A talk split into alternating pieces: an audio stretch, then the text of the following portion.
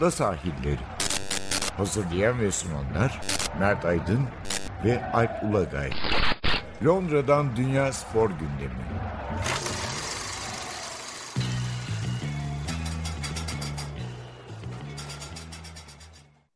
Ada sahillerinden merhabalar. Ben Alp Ulagay. Ben Mert Aydın. Bugün neler var gündemimizde? Yani önce böyle bir karma bölüm yapacağız yine.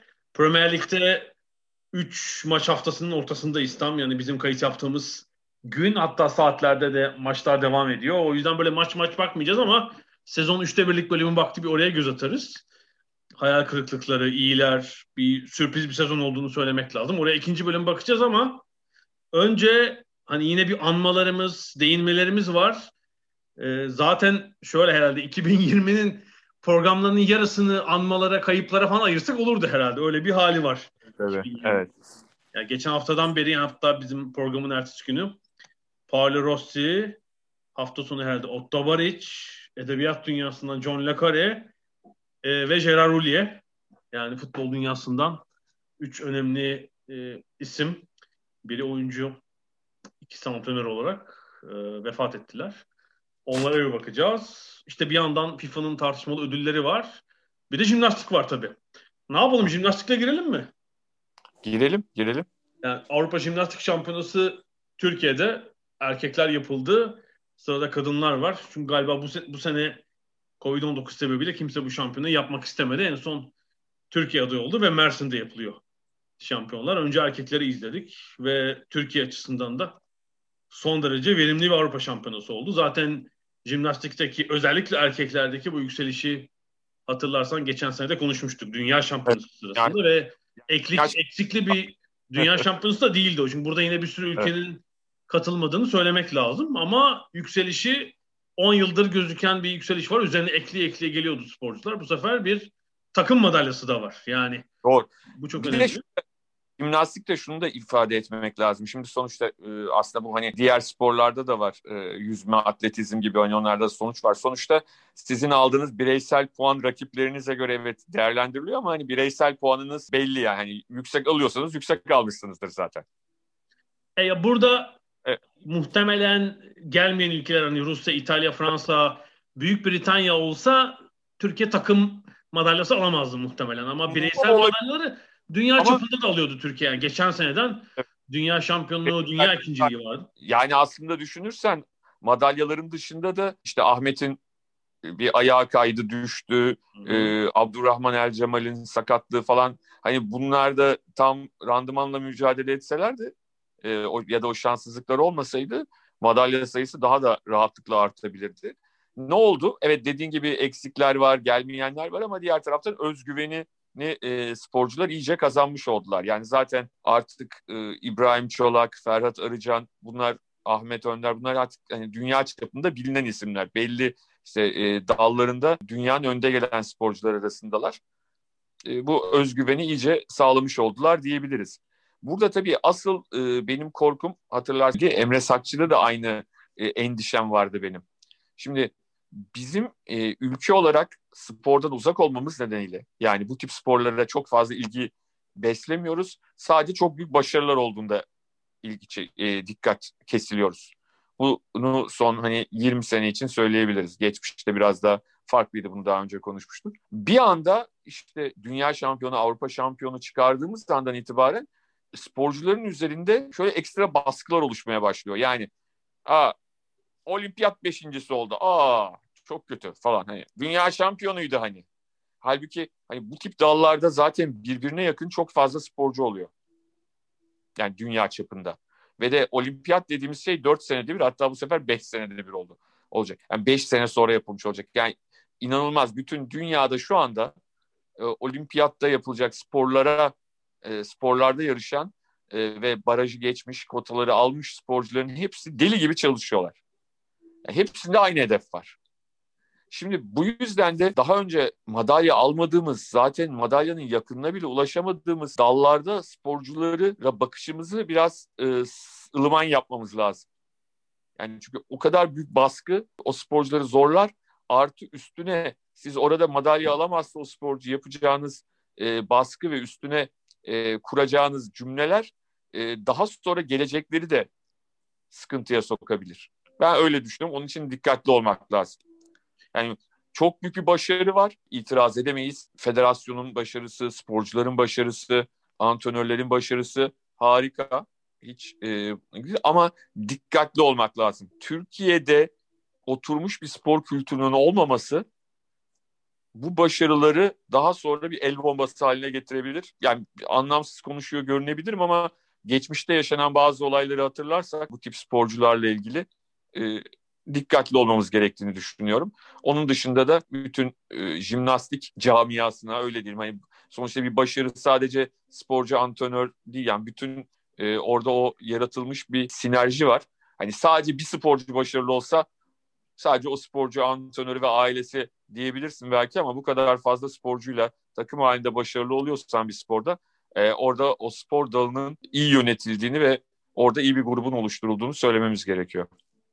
Yani yükselişi şuradan da görebiliriz. 1908 ile 2012 arasında Türkiye jimnastikte olimpiyatlara katılamadı. 104 yıl. 2012'de Göksu Üçtaş ilk defa kadınlarda 104 yıl sonra olimpiyatta temsil etti Türkiye. 2016'da Ferhat Arıcan eklendi buna ama Tokyo olimpiyatları eğer olursa mesela 3 erkek sporcu artı bir kadın sporcu o da kont- kontenjan aldı orada. Yani sayı 4'e evet. çıkacak. Erkeklerdeki yükselişin oradaki başarının zaten göstergesi. Yani takım halinde yok Türkiye ama hem bireysel genel tasnifte hem de alet finallerinde 3 sporcu yarışacak. E, TRT Spor TRT Spor 2 daha doğrusu spor değil. Yani TRT'nin olimpik sporlara yer veren spor kanalı sanıyorum. O YouTube kanalına koymuş. Herkese tavsiye ederim. İki güzel belgesel demişler. Aslında bence belgesel değil. Bunlar uzun haber. İki uzun haber var. Birincisi Kazananlar Ligi 6. bölüm İbrahim Çolak anlatıyor duygusal da bir şey olmuş. O biraz daha belgesel gibi. Öbürü de tam bu Avrupa Şampiyonası'ndan önce yayınlandı. Artistik jimnastik erkek erkek mil takımı belgeseli diye. YouTube kanalında duruyor TRT Spor 2'nin. Yani onu özellikle mil takım belgeseli adlı e, hayallerin peşinde hatta onun ismi. Onu tavsiye ederim. Çünkü orada tüm bu Avrupa Şampiyonası'nda madalya alan yıldız isimlerle Federasyon Başkanı Suat Çelen'le konuşulmuş. Ha, birkaç şey dikkatimi çekti. Yani bu senin dediğin baskı var ya mesela önceki Aha. birkaç yıl, 3-4 yıl önce Suat Çelin'in eski de bir jimnastikçi olduğu için o yarışmalar sırasında şey iniyor. E, yarışmanın yapıldığı yerin kenarına. Aha. Sporcular heyecanlanıyormuş. Sonra bu heyecanını atmışlar artık mesela. Başkanın orada olması onlar için bir heyecan meselesi değil. Sonra Ferhat Arıcan çok ilginç bir şey söyledi. Başarımızın ana sebebi de ekip, sistem, hedef. Yani muazzam özetledi. Yani Hı-hı. bir sadece sporcular değil, onları çevreleyen muazzam bir destek Doğru. ekibi var. Mesela eski şampiyonalara 10 yıl önce sporcu ve antrenör gidermiş. Şu an sporcu, antrenör, fizyoterapist, masör, hatta mentor yani e, ne diyelim psikolog. Hepsi beraber seyahat ediyorlar uluslararası ya. yarışmalarda. Sistem var. İşte hem kulüplerinde hem milli takımda e, büyük düzen içinde çalışıyorlar ve hedef var. Yani bu, bu çocuklar 8-10 yıl önceden kendilerine bir işte dünya şampiyonası, olimpiyat şampiyonluğu Bunlara hedef koymuşlar ve o yolda ilerliyorlar. Destek de, olunca çok iyi bir sonuç var şimdilik. Evet ve ya benim gördüğüm hani nazar değil mesela bu diyeceğim şeyin nazarla alakası yok sonuçta zaten ee, şöyle bir şey var yani Ahmet olsun, İbrahim olsun, Ferhat, daha eskiye git, e, Ümit Şamiloğlu, Tutya Yılmazlar, Göksu Üçtaşlar. Bak bu çocukların hepsi... Bu arada Ümit hala var biliyorsun. Hala yarışıyor. Burada takım yarışmasında yarıştı 40 yaşında. O da ayrı bir belgesel konusu yani. O e, şeyi hani Japon Kazuyoshi Miura var ya futbolcu 53 yaşında hala oynuyor. E, Ümit Şamiloğlu da herhalde bir 2030'lara kadar e, yarışacak inşallah devam eder yani öyle söyleyeyim. Ya, e, birlikte yetişti yarıştığı kişi kim? Federasyon başkanı zaten. tabii tabii. Yani şöyle diyeyim bu çocukların hepsi üstüne cümle kurabilen, kendilerini çok iyi ifade edebilen çocuklar. Yani bu çok kolay Türkiye'de yakalayabildiğimiz bir şey de değil. Yani bu, bu da önemli. Yani ben e, Türkiye'deyken e, bu pandeminin başlarında Ahmet Önder'in e, direkt şeyine katıldım. Instagram üzerinden. Canlı yayın yaptı değil mi? Canlı yayın yaptı. E, olimpiyatlarla ilgili sağ olsun e, davet etti. Yani hakikaten e, ben gurur duydum. Şimdi diğer çocukları da izliyorum yarışmalardan önce senin dediğin belgesellerde şurada burada konuşurken hepsi gerçekten kendilerini ifade edebiliyorlar. Bu çok önemli bir şey. Kendini ifade edebilen insan işini iyi yapar. Ben öyle düşünüyorum. Ne güzel çok, söyledin. Çok, bu, çok güzel. Kolay e, maalesef özellikle sporcularımız için de çok böyle ağırlıklı olarak görebildiğimiz bir şey değil. Aralarında çok iyi yapanlar zaten onlar da işlerinde de iyi olanlar bu arada. Hani diğer spor dallarında da bunu söyleyebiliriz. O açıdan da çok gurur verici. Tabii yani aslında e, genç kuşaklar Suat Çelin'i pek tanımazlar. Bizim küçüğümüz sonuçta ama daha 10-11 yaşlarındayken e, çok dikkat çekmişti ve hani maskot gibi böyle televizyonda o zaman TRT'de hani normal eğlence programına bile çıkarılan bir çocuktu. E, çok başarılıydı ama işte e, sakatlıklar, e, bir takım e, antrenör sorunları falan derken e, dünya çapında olması beklenen bir sporcu e, olamadı. Ama yani herhalde gördüğüm kadarıyla da bütün o kendi yaşadıklarını çok iyi e, gözlemleyip o tecrübeleri federasyon yönetimine yansıtıyor. Bu bence önemli bir şey. Ama çok çok önemli bir başarı elde edildiğini ve elde edilmekte olduğunu ve senin de güzelce ifade ettiğin gibi e, ekip, sistem ve hedef bu çok çok kritik bir şey. Yani planlı çalışmak demek aslında bu. Yani planlı çalışırsan e, sonucunda iyi bir yere gelirsin. Bu ille olimpiyat şampiyonu olmak, dünya şampiyonu olmak anlamına gelmez. Seni dünya çapında bir sporcu, dünya klasında bir sporcu yapar. Suat Çelen demişken bir yere daha değinmek isterim. O TRT'deki Hayallerin Peşinde belgeselinde Suat Çelen'in hem günümüzde federasyon başkanı olarak söylediği bazı sözler var hem de sporculuk günlerinden bazı görüntüler koymuşlar. Hem herhalde gençler kategorisindeyken birkaç yarışması var TRT arşivinden. Sonra da büyüklerde. Ya dikkatimi çeken bir şey var. Şimdi Suat Çelen'in Çelen o günkü Suat Çelen'i bugünkü e, Ahmet Önder'le İbrahim Çolak'la Ferhat Arıcan'la yan yana getir. Yani başka spor dallarının sporcuları zannedebilirsin. Yani o Suat Çelen'in vücuduyla bugünkü Türk sporcunun vücut yapıları tamamen değişmiş. Bence bu jimnastiğin de dünyada herhalde geldiği yerle alakalı. Hı hı. Yani Suat Çelen evet müthiş fit herhalde jimnastik için. ideal bir vücut ama o zaman yani 90'larda şimdiki Ahmet'in İbrahim'in vücutlarını falan görünce böyle bir He-Man yapısı var değil mi? Yani kollar e, olağanüstü evet. durumdalar. Yani belli ki çok daha yoğun çalışılıyor. Ee, İbrahim o e, sakatlandığı dönemde herhalde özellikle bedenin üst kısmını çok çalıştırmış ayağının kırıldığı dönemde. Böyle bir durum var. Bir de bence bir teşekkür benim gördüğüm kadarıyla bir teşekkürü de bizi zaman zaman da dinleyen Hatice Yücel'e Fanatik'ten. E, ben biraz Türk medyasını az takip edebiliyorum ama gördüğüm kadarıyla Fanatik'te müthiş iş yaptı. Doğru. Çok, doğru. Hani detaylı hele bir gün de değil bir hafta boyunca çok güzel sayfalar hazırladı. Ben hani webten okuma fırsatı buldum. En son Suat evet. Çelen'le bir röportaj da yapıp öyle bitirmiş. Buradan da ona eline sağlık diyelim. Teşekkür ya, ederim. Kere gazetecilikte sadece sporda değil şöyle bir durum var. Şunu çok net olarak artık görüyoruz. Sadece işte milli takım şunu yaptı, şunu yaptı deyip bırakmanın bir anlamı yok. Çünkü zaten insanlar ve onu merak edenler bir gün önce televizyondan artı sosyal medyadan bunların hepsini görüyorlar. Sizin artık bir katma değer koymanız gerekiyor o sayfalara.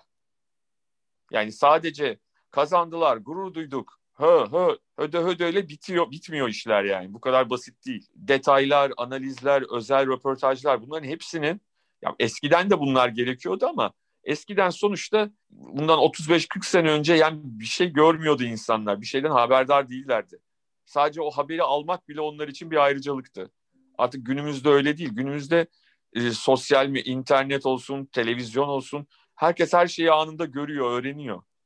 Yani o gün jimnastiği seyretmeyen bile işte girdiği sosyal medya platformunda mutlaka haberdar oluyor. İnsanlar bunu konuşuyorlar, görüntüleri görüyorlar, sporcuların performanslarını hatta madalya aldıktan sonraki röportajlarını, görüşlerini de dinliyorlar. O yüzden hakikaten çok farklı şeyler yapmak lazım. Benden de tebrikler. Eline sağlık Hatice. Peki jimnastiği burada kapatalım.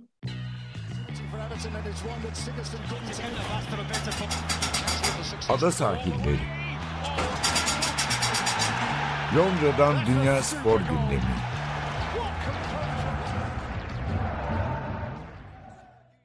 Evet, ada sahillerinde yine biraz anma yapacağız.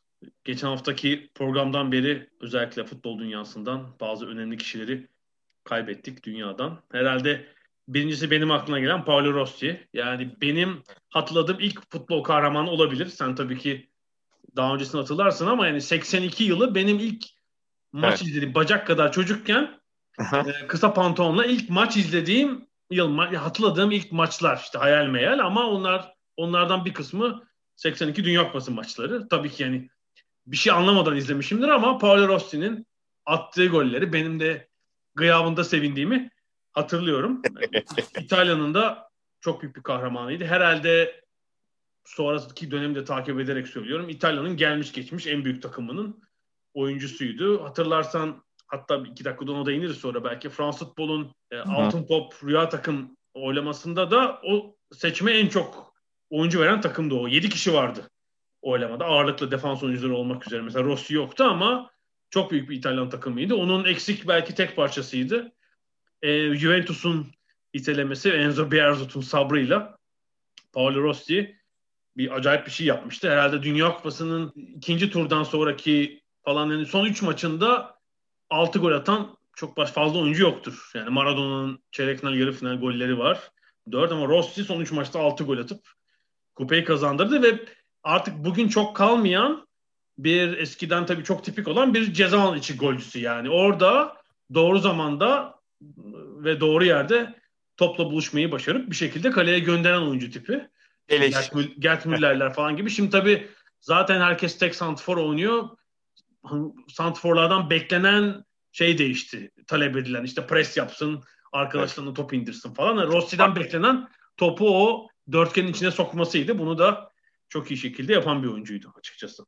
Evet aslında tabii senden 4 yıl önce ben de senin neredeyse konumunda 78 Dünya Kupası'nı izlerken Rossi aslında o kupada parladı.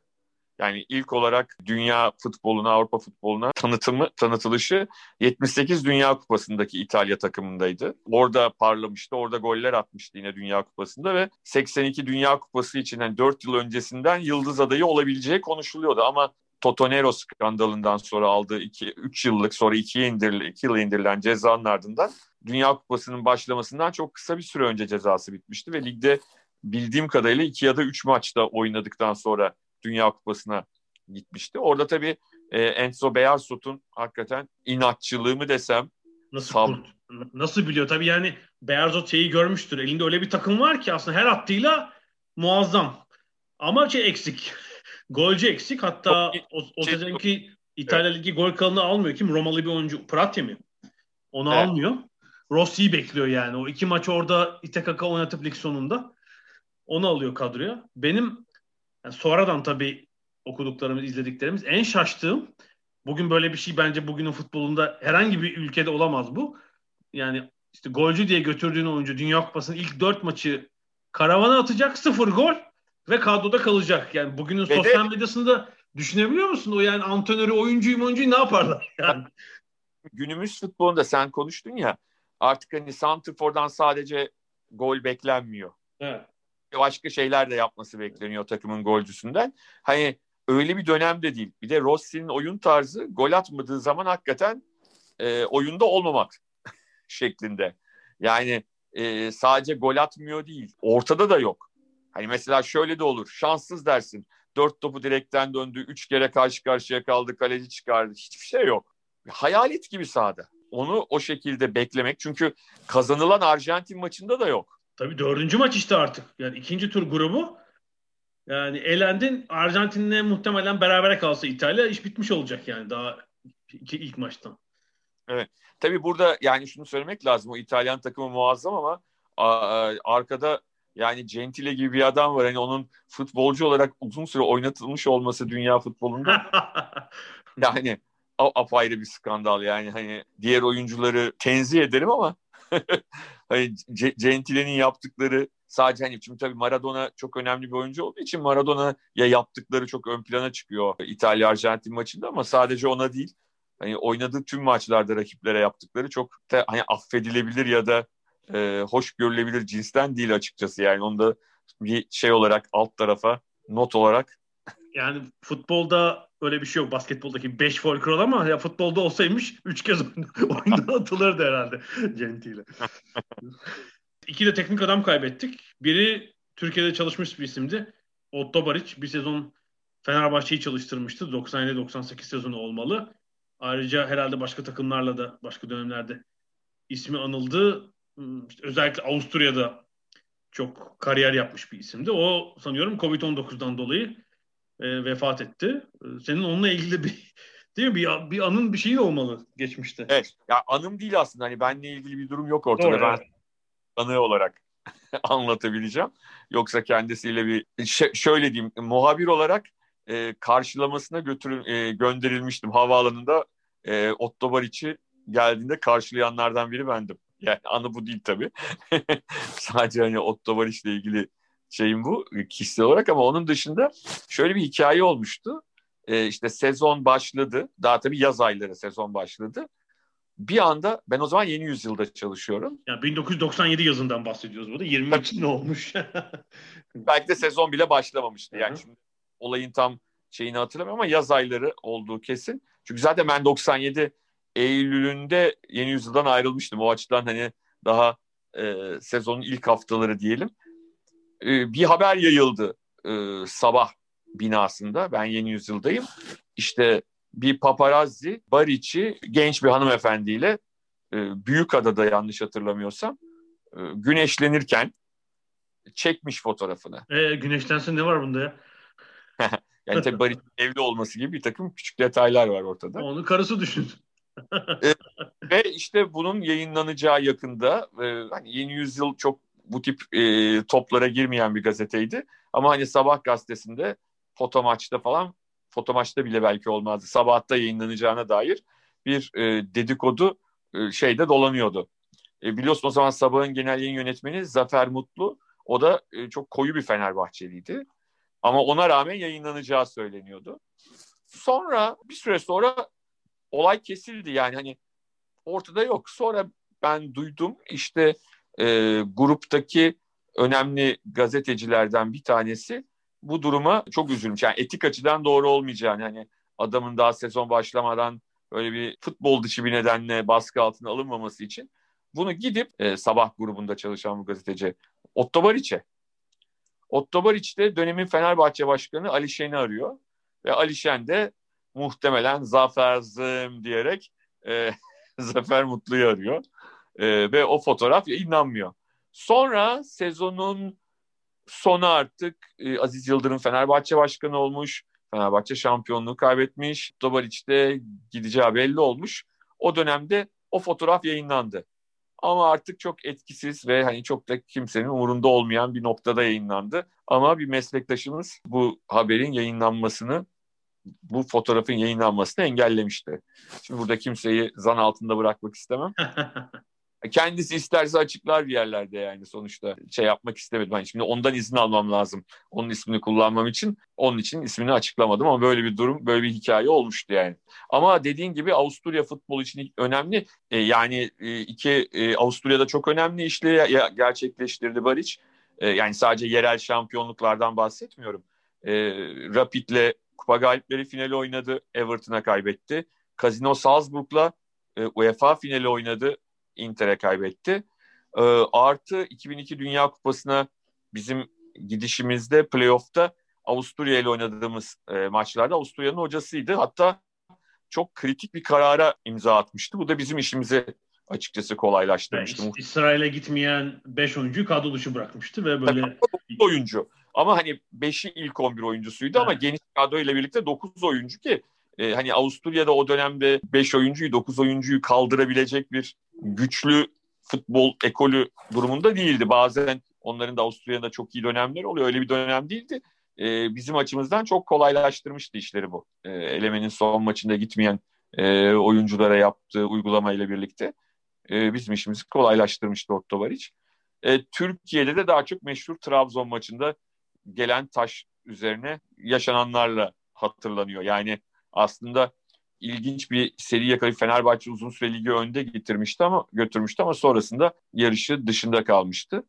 Ee, ama kupadaki o Trabzon maçındaki taş meselesi ve yaşananlar Baric'i daha çok biz Türkiye'de bunlarla hatırlıyoruz. Bir de dünyadan da Fransa ve İngiltere için önemli diyebileceğimiz bir şahsiyet Gerard Houllier. Vefat evet. bir diğer isim. O Covid'le bağlantılıydı sanıyorum. Yıllar önce 2001'de geçirdiği bir aorta ameliyatı var. Hı. Ona bağlı bir operasyon geçirmişti yakın dönemde herhalde. Bu sebeple bir evinde gerçi vefat ediyor hastaneden çıktıktan sonra ama e, böyle bir rahatsızlık olsa gerek. Yani Gerard Houllier tipik bir teknik direktör değil yani profesyonel oyunculuğu yok.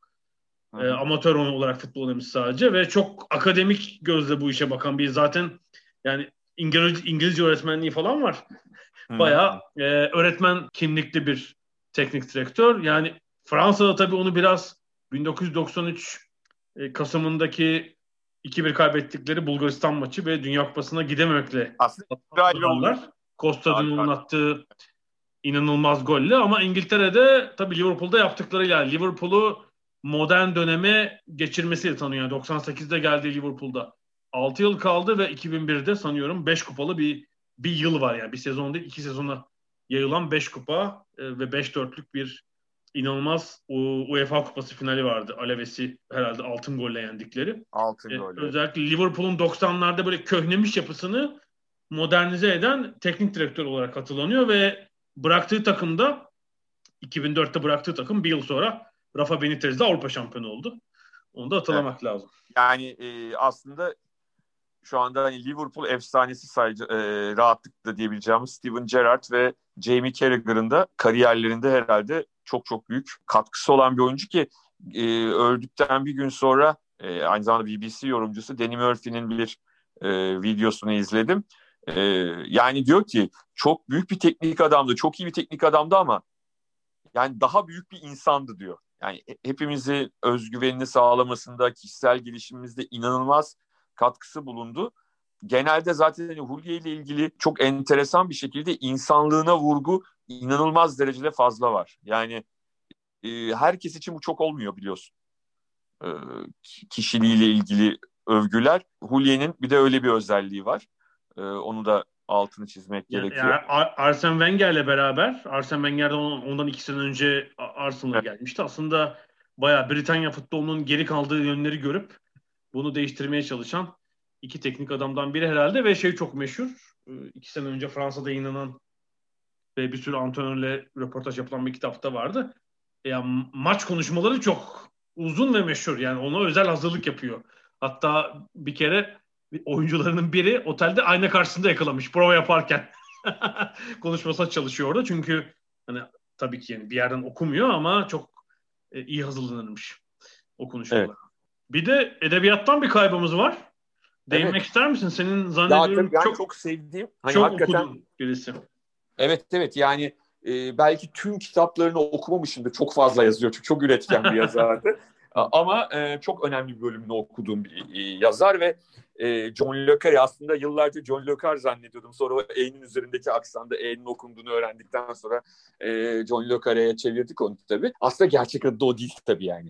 E, çok orijinal bir isim kendine bulmuş.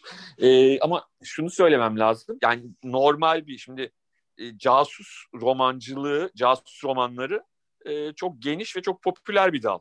E, ve bunun değişik değişik örnekleri var önümüzde.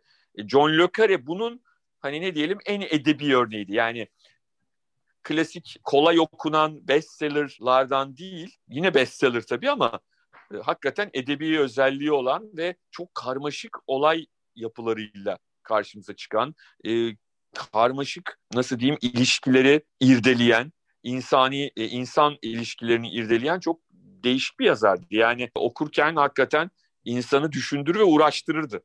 Peki e, Financial Times şöyle bir öneri verdi. E, John Carey'i okumaya nereden başlamalısınız diye. Dört kitap var.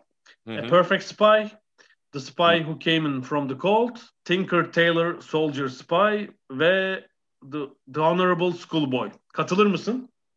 E, yani e, bunların hepsini okudum. Ee, En iyi demiyor yani okumaya bu dörtlüden başlayın diye yapılmış. olabilir, olabilir ama hani George Smiley e, onun hani en bilinen kahraman meşhur dizide de Sir Alec Guinness. Benim çocukluğumda aslında ilk tanışmam olmuştu. Hiçbir şey anlamamıştım o diziden. Alec Guinness, Obi-Wan kardeşim. Bırak Evet. şimdi John Luke. Sonradan ama daha sonra tekrar izlediğimde sonra kitabını da okuduğumda hakikaten çok e, özel bir Karla triloji vardır. Yani Karla e, Rusların da Sovyet ajanlarının başında Karla var. Smiley'nin karşısında Karla var. Karla ile Smiley'nin e, karşılıklı maceraları ki Tinker Tailor Soldier Spy, Honorable Schoolboy bir de Smiley's People bir üçleme vardır. Aha, aha. Bu üçleme Karla triloji olarak geçer. Çünkü Honorable Schoolboy'da çok fazla Smiley çıkmaz. Evet. E, Carla ile İngilizlerin mücadelesi ki en sonunda spoiler da vereyim. En sonunda e, üçüncü kitapta Smiley's People'da şey Carla iltica eder İngiltere'ye, e, batıya. Hakikaten müthiş bir üçlemedir. Yani üçü de üçünde de e, yani ben onunla başlanmasını tavsiye ederim. Yani o üçünü arka arkaya okuyarak. Süper.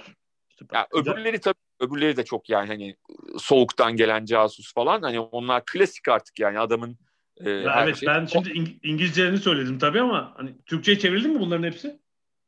Ya şeyi bilmiyorum. Honorable Schoolboy bilmiyorum. Şey Evet. Köstebek zaten. Tinker Tailor Soldier Spy.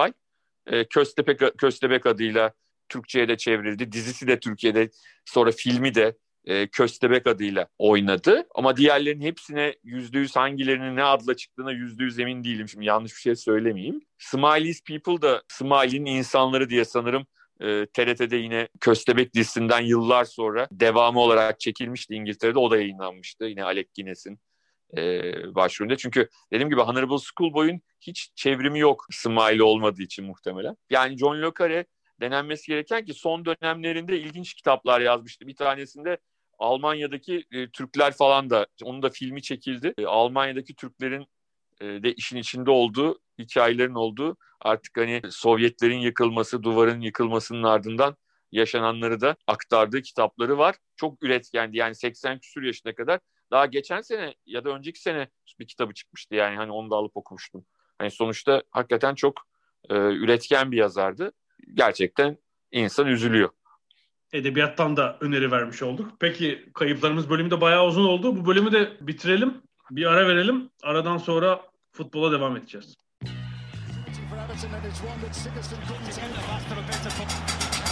Ada sahilleri. Londra'dan Dünya Spor Gündemi.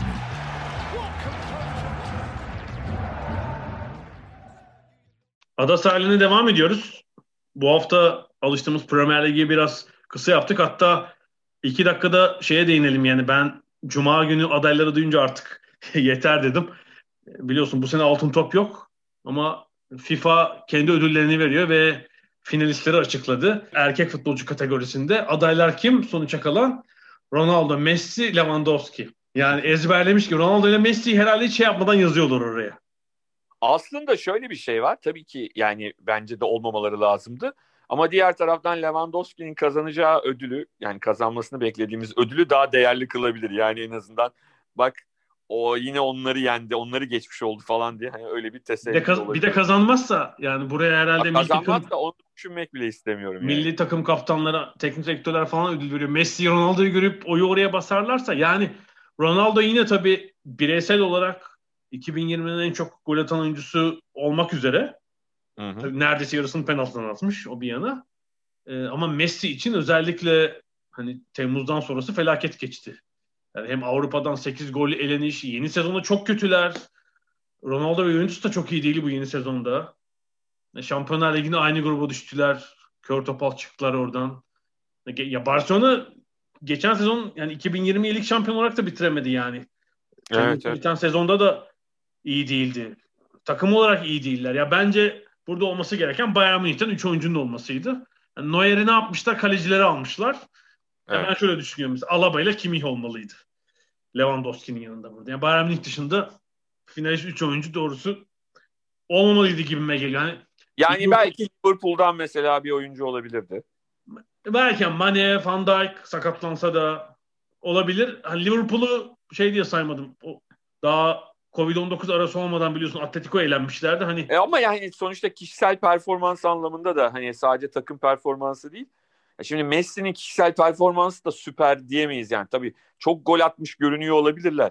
Ama yani çok gol atmak onu hani tar- yılın en iyi 3 oyuncusundan biri yapmak yapmıyor yani. sonuçta bir takım oyunu. Neyse o şey teknik direktörlerde de Bielsa'ya takıldım açıkçası.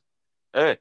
Ya şimdi Yani- Bielsa'nın bu yıl yaptığı ne var? Takımını İngiltere 2. Ligi şampiyonu, Championship şampiyonu yapmak. E, Premier Lig'de de orta sıralarda yani karizmatik, etkili buluyoruz ama yani bu yıl dünyanın en başarılı 3 antrenöründen biri mi? Ona çok yani Gasperini yok orada mesela. Değil mi? Lopetegui yok. Ya şimdi şöyle bir şey yapsan bak şöyle olsa olur. Mesela FIFA her yıl böyle enteresan, idealist birilerini bir şekilde oraya sokuyor olsa dersin ki hani o kontenjandan bunu koyalım. Yok öyle bir durum da yok yani. Yoksa hani hepimiz seviyoruz Bielsa'yı bu arada. Hani Bielsa'ya karşıyım çünkü Bielsa'yı çok abartılı bulanlar da var. Abartıldığını düşünenler de var. Biz onlardan değiliz.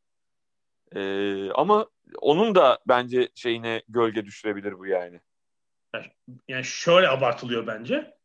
Bielsa idealist bir adam. Ona göre büyük takımlara gitmiyor ve kariyerinde büyük bir başarısı yok bu sebeple. Arjantin'de ilk dönem kazandığı kupalar hariç bir Tabii, başarısı tabii. yok. Çünkü onun hedefi başka türlü başarı hedefliyor. Yani daha böyle bir prensiplerimi uygulayabileceğim kulüpler. Atletik Bilbao falan, Lille, işte Leeds oralara gideyim ama yani bir Avrupa Kupası kazanmışlığı yok. Bir finali var galiba değil mi? Atletik Bilbao'yla falan. Yani büyük bir başarısı yok. Çünkü gittiği takımlar işte en tepe takımlar değil. Ee, öyle değerlendirmek lazım ama hani şu olsaydı mesela Leeds'le şu an hani bari lig ikincisi falan olsaydı bir de ikinciden belki diyecektim. Yine bence olmaz da. Çünkü Tabii, bu yıl daha iş yapan antrenörler var. Yani dedim Gasperini mesela Atalanta ile yaptığı. Tabii. Eldeki malzeme ve ortaya çıkan sonuç. Nagelsmann da yok mesela Leipzig'te bu sene. Hı hı. Doğrusu parlayanın. Antrenör tarafı da yani neyse FIFA'nın zaten verdiği ödülü çok e, umursamamak lazım diye düşünüyorum ama yine de yadırgadım. En sonda bir Premier Lig'e girelim artık. 3 haftanın şeyi. Yani şu an biz kaydı yaptığımız saatlerde de maçlar oynanıyor. Arsenal yeni bir facianın eşiğinden döndü. Bir oyuncu daha atıldı. Bu sefer Gabriel. Hayır kendiyle berabere kalışı önemli bir başarı olarak E, beşinci üst üste iç saha yenilgisi gelmedi. Başarı o. Evet. Ama yani Southampton bayağı %65 topa sahip olma işte 13 şut falan. Bayağı bir hakimiyet kurup galibiyeti kaçırdı öyle söyleyebilirim. Alp, Alp, Alplerin klopu Hasenhüttl yönetiminde. Ya büyük iş yapıyor yani Hazenhüttl. Ee, geçen seneki 9-0'dan bu yana son bir takvim yılında yaptıkları çok acayip yani. Şu an işte yenmiş olsalar geçici lider bile olacaklardı. Ee, Southampton'da çok iyi çıkarıyor gerçekten. Ee, şuna bakalım. Yani tek tek maç konuşmak değil. Ligin üçte birlik bölümünü aşağı yukarı kapadık. Şu Evet. kayıt yaptığımız günlerde 13. haftanın önü işte üçte bir geçilmiş olacak tam anlamıyla. Çok özellikle son 4-5 sezonda alışmadığımız bir durum var. Arada bir Evet. Leicester'ın sezonu var gerçi 15-16. Ama yani böyle büyük iki takımın, bir, bir takımın, iki takımın e, büyük fark yapamadığı, böyle üst üste galibiyet serilerinin olmadığı bir sezon görüyoruz ve özellikle Big Six denilen İngiltere'nin en zengin ve başarılı altı takımın da çok zorlandığını görüyoruz. Hatta 12. haftada yani geçen hafta sonu şöyle bir durum oldu. Altısı da puan kaybetti. Evet. Yani Evet. ikisi birbiriyle oynuyordu zaten. Manchester derbisi vardı. Bunun dışında e, Liverpool Fulham'dan bir puanı zor kurtardı. Arsenal yine yenildi. Chelsea yenildi ve e, Tottenham'da çok zorlandı diğer bir Londra takımı Crystal Palace karşısında. E, Neye bağlayabiliriz? Yani bana şöyle geliyor. Bu sezon öncesi kısa hazırlık dönemi kimse hazırlanamadı. Üstelik büyük takımların bir de hepsinin Avrupa kupası maçları var. Yani arada yükleme yapacak, takımı çalıştıracak, idman yapacak bir periyot da yok. Bir de Seyir yok. seyirci ya evet yani şimdi bu düşünürsek bu takımların hepsinin hmm, 50 binlik yani Chelsea'nin değil mi 40 42 bin hani bir küçük kalıyor artık yani 40 bin 50 bin 60 bin 70 binlik statları ve her maç dolu seyircileri baskı unsuru oluşturabilen iç sahaları var. Şimdi bu sene o faktör de yok. Doğru. Ee, bir de üstüne bence şey geldi. Şimdi yavaş yavaş rakamları görüyoruz İtalya'dan, İngiltere'den. Yani geçen sezon Covid-19 sebebiyle sekteye uğrayan sezonda bile müthiş zararlar açıklanıyor. Yani 100 Tabii. milyon euro falan. İşte Roma, Inter, şu Everton geçen sezon ne açıkladı? 140 milyon sterlin zarar etmiş Everton. Geçen sezon bu. Yani yarı 3'te ikisi seyirciyle oynanan sezondan bahsediyorum. Şimdi belki bu sezon daha da büyük olacak. Tabii tabii. Zarar. Bu yüzden transferde de herkes bir temkini de arıyor. Yani öyle para saçayım, 5 oyuncu alayım, kadroyu zenginleştireyim. Böyle bir hamle de yapamadılar sanki büyükler. Ne dersin? Doğru yüzde yüz. Üstüne de alttakiler biraz daha doğru e, ne diyeyim e, nokta transferler yapanlar oldu. O az transfer haklarını doğru kullananlar oldu. Ve çok fazla e, üstteki takımların puan kaybettiği bir sezon. Bir de üstüne şu şunu fark ediyorum. Özellikle derbi maçlarında. Derbi ve e, büyük maçlar diyelim. Geçtiğimiz yıllara oranla muhtemelen bu hazırlık döneminden dolayı e, takımların gerçek anlamda e, hazırlanmamasından dolayı hocalar da maçların berabere bitmesine belli bir noktadan sonra izin veriyorlar. Yani tempolar düşüyor. Yani bir Manchester derbisi izledik. Gözüm kanadı. Çok güzel tarif ettin. Şey demiş Miguel Delaney tam ben işte futbol öğrenmeye haftalık şey yazıyorum. Haftalık notları dedim. En kötü yazayım falan. Bir baktım Miguel Delaney de öyle yazmış. Gerçekten göz kanatacak maçtı. Yani bayağı sıkıldım yani gerçekten o maçı izlerken. Ki yani hani bak sezon başından beri Liverpool Manchester City maçının ilk yarısı hariç. Hiçbir büyük maçtan tad alamadık yani. Ya bu arada orta grup takımlar tabi bunların Leicester hariç hiçbiri şeyde oynamıyor. Avrupa oynamıyor. Onlar hem kadrolarını güçlendiler, eksikleri kapattılar. Daha iyi oynuyorlar yani. Sürprizler oradan geliyor zaten. Leicester, Southampton, Everton, işte Leeds hiç fena değil. Biz kaydı yaptığımız sırada Newcastle'a 5 tane attılar. West Ham Aston Villa. Yani o grup da çok daha iyi geçen seneye göre. Doğru. Yani doğru. hem yukarıdan sürpriz puanlar çaldılar. Aston Villa'nın 7-2'lik Liverpool galibiyeti zaten herhalde sezonun en acayip maçı olarak kayda geçecek. Muhtemelen ya daha çok var ama üzerine bir şey çıkar mı bilemiyorum. Doğrusu onun. Ee, bu sebeple dengeli gidiyor. Yani sezon başına göre mesela ne derdik? Hani Liverpool, City City bir türlü oturtamadı yani oyununu. Yani Liverpool'un iyi oynadığı birkaç maç var işte. Leicester maçı da çok iyiydi falan. Hayır. Yani City'nin West şey maçını izliyorsun West Bromwich maçını. Hani West Bromwich böyle çok mu acayip oynadı o puanı aldı. Çok mu şeyler acayip bir şey. Yok hiç öyle bir şey de olmadı yani maçta.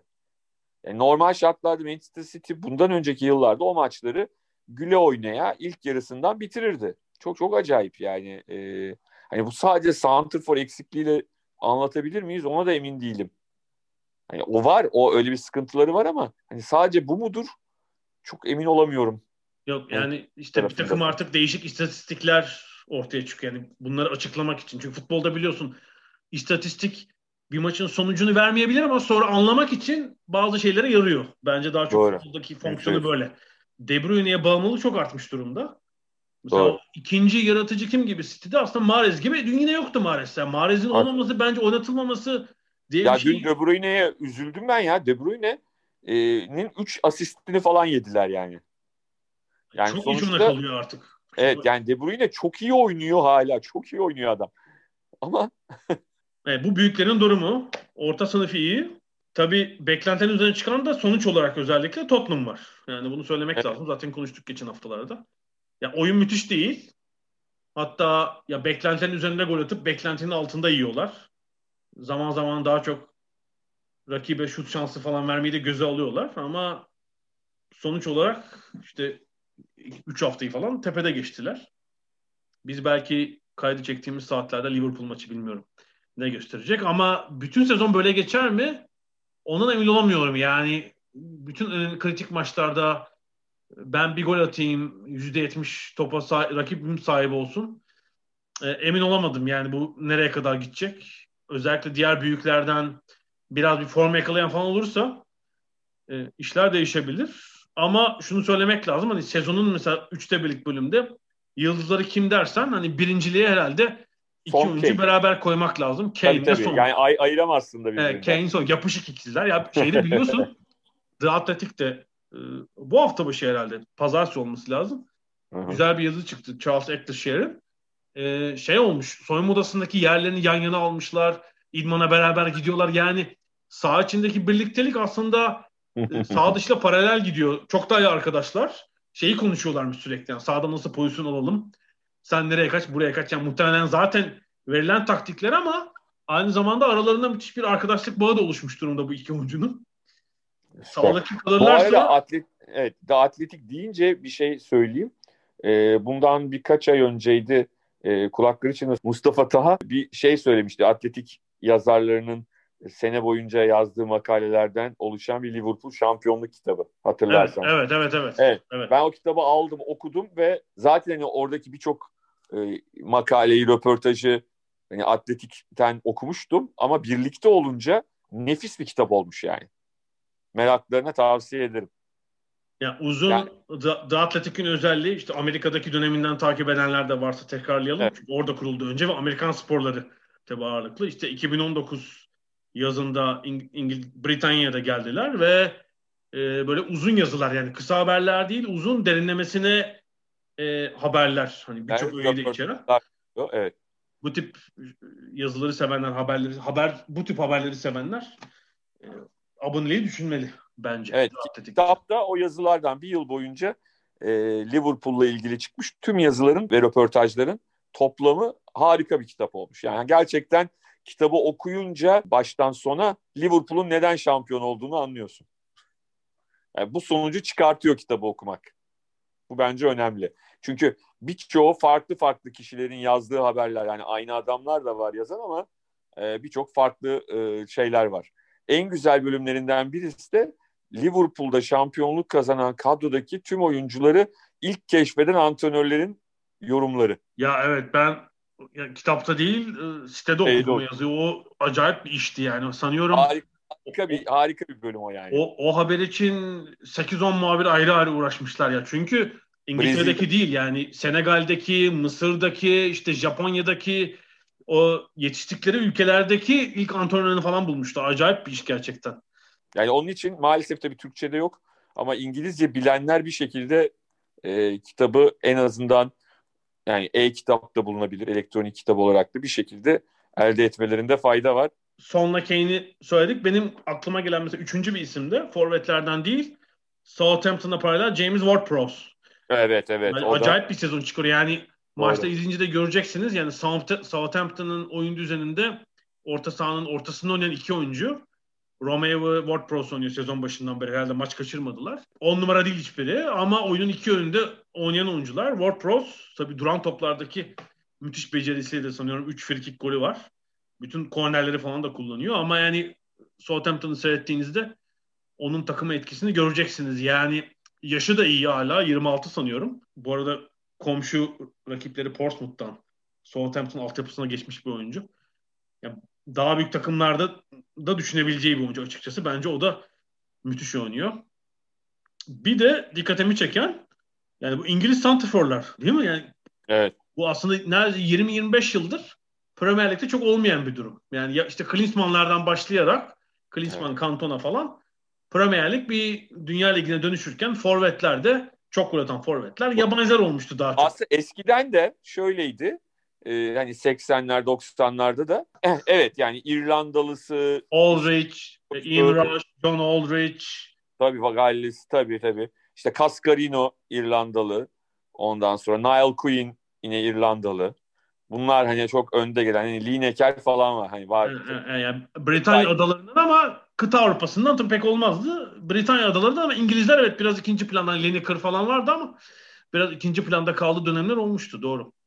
Şimdi yani... bu sezon bakıyorum Dominic Calvert-Lewin, Wardy, Kane, Bamford, Callum Wilson, Danny Ings, Oli Watkins falan yani bir sürü böyle İngiliz santifor. Çok alışılmadık bir durum. Aralarına girenler de bunu zaten şey değil. Mesela Bruno Fernandes var. Yani zaten forvet değil mesela. Forvet. Ee, ya da Zaha var. Zaha tabii Filkiş'in sahili ama yani İngiltere'ye yetişmiş bir bu arada oyuncu. Son var. Hani forvet gibi Son'la Salah diyebiliriz. İlginç yani İngilizlerin de bu kadar yani hani milli, milli takım için böyle bir yığılma var yani. Birilerine te- şey yapsalar ya ödünç verseler bazı oyuncular. evet. Şeye İskoçya lazım mı falan.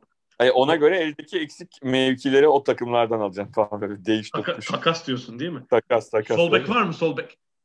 Sol beki santfor veririm falan. Robertson'ı biz İngiliz yapalım. İskoç olmasın o ya. Oo evet. Güzel olur. Bu arada sezonun ilk teknik direktörü de bugün görevinden oldu. Biraz da tahmin edildiği gibi e, Slaven Bilic West Bromwich Albion'daki görevinden alındı. Üstelik, Önemli bir e, deplasman puanından sonra. yani bir birlik City maçından çıkardıkları iyi bir puan. Ama sanıyorum yönetim zaten kulüp yönetimi bunu önceden düşünmüş. Hani yeni antrenörle bu deplasmana gidip bir de bozguna uğrarsak hani o görev öyle başlamasın diye bir maçta oyalamışlar herhalde Bilic'i. Anladığım kadarıyla oyuncuların çok bir memnuniyetsizliği yoktu. E, taraftar da herhalde Bilic'i destekliyordu ama yönetim pek, pek memnun değil. Yani işte, ama eldeki kadro da belli yani. West Bromwich ligin en zayıf kadrolarından birine sahip. Diğer iki rakipleri yani Sheffield United pek umutsuz gibi ama hani herkes puanlar topluyor diğerleri. West Brom topluyor işte Burnley Arsenal'ı yendi. Fulham fena değil falan. Şansları da bir şansları da vardı ligde kalmak için. Gide gide Samuel Allardyce'a gittiler. evet. Samuel Allardyce hikayesi de hani Türkiye'yi anlatıyor. Yani Türkiye'de de ne yaparsan yap rezil olamazsın ya. Yani bu, bu çok enteresan yani Samuel Allardyce'ın o milli takım meselesinde yaşananlardan sonra hala iş buluyor olması. Milli takım be bir de gittiği takım oynattı arkaik bir futbol oynatır falan yani. O ayrı o zaten evet. onu saymıyorum yani hani onu söylemiyorum. Yani o bir tercih meselesi sonuçta yani. yani bence Bilic kovulduğuna değil de yerine onun geldiğine daha çok üzülmüş olabilir. evet olabilir gerçekten. Peki bu ligin ilk üçte birlik bölümünde dikkatini çeken ne vardı başka? Ya dediğim gibi e, hani bu sezon başındaki şeyden dolayı zaten istikrarsız bir lig izleyeceğimizi ben tahmin ediyordum. E, bunu da görüyoruz ve bakalım yani ilerleyen haftalarda bu istikrarsızlık devam ederse sürprizli ve sonunu tahmin edemeyeceğimiz bir sezon olacak. Ama hani senin de söylediğin gibi bu üsttekilerden biri ikisi çok ekstra bir form yakalayıp üst üste 6-7 maç kazanırsa o zaman yine geçen yıllara döneriz ama sanki bu sefer öyle olmayacakmış gibi geliyor bana. Yani son haftalara kadar belki. Hiç, çünkü şampiyonluk adayı izliyor olabileceğiz. Hiç zannetmiyorum. Çünkü öyle soluklanacak bir vakit yok. Yani zaten biliyorsun bu e, festive season dedikleri yani bayram sezonu işte Noel üstü yılbaşı orada zaten bir sürü maç oynuyorlar. İşte ocağa da öyle giriyorlar. E sonra geçen sene her takıma birer hafta kış tatili verilmişti. Yani bir hafta sonunu boş geçtiler. Doğru. Bu sene o da yok takım sıkıştığı evet. için. Üstüne bir de bütün iddialı takımlar Avrupa'da devam ediyorlar. Yani United, Manchester United Avrupa Ligi'ne düşmüş olsa da Şampiyonlar Ligi'nde 3. Devam Tabii tabii. E, Avrupa Ligi'nde 4 takım var. E, Şubat'tan itibaren tekrar Avrupa maçı demek. E, kurallara falan bakıyorsun onlar muhtemelen birer tur falan üzerine devam edecekler. Yani Mart falan Avrupa maçları da olacak. Yani tek şey FA Cup'ta İngiltere Federasyon Kupası'nda replay yok, tekrar maçı yok. Berabere biterse penaltılarla çözülecek iş ama yani bu takvimi pek hafifletmiyor aslında. Yani mesela işte bu hafta ortası lig maçı oynuyorlar. 13. hafta hafta sonu 14. hafta maçları var. Gelecek hafta içi e, Karabağ Kupası'nda, İngiltere Lig Kupası'nda çeyrek final maçları var. Tabii bütün Premier Lig takımları yok orada. 6 takım var. 2 de Championship takımı var. Ama işte hiç boşluk yok. Ondan Doğru. sonra işte Boxing Day'ler bir Premier Lig haftası daha falan öyle devam edecek sezon. Ve şeye de bakınca özellikle Liverpool'daki sakat ordusuna falan yani hiç bir böyle duraklayıp soluklanacak bir anları yok yani. Doğru. Takımın neredeyse yarısı yok Liverpool'da. Yani ideal 11'in den bir sürü yani sakatlanmadan önce herhalde bir Wijnaldum var. Sezon başından beri makine gibi oynuyor. Değil mi? Bir de Robertson evet. milli sakatlanmıştı ama herhalde herkes sakatlık geçirdi yani. Fabinho'su vesairesi. Sezonu kapatanları da saymıyorum. o yüzden herhalde böyle bir daha dengede sezon olacak. Yani heyecan için çok iyi tabii. Yani işte orada evet. bir Southampton, Leicester, Everton gibi takımların olması da büyük bir artı bence. Ne yapalım istiyorsan bu hafta çok uzatmayalım Premier Ligi. Gelecek hafta belki böyle hem 13. hem 14. maç günlerini konuşacağımız bir yayın yaparız. Karabağ Kupası. İnşallah kayıp mayıp olmaz da bir de onlarla uğraşmayalım gelecek hafta. yani 2020 evet nasıl bitecek bilmiyorum. Kontenjandan. Futbol bitti biraz basketboldan falan. Göreceğiz. Peki e, bizi dinleyen Türkiye'deki, Amerika'daki, Avrupa'daki tüm dinleyicilere teşekkür ediyoruz ve gelecek haftaya kadar görüşmek üzere diyoruz. Hoşçakalın. Hoşçakalın.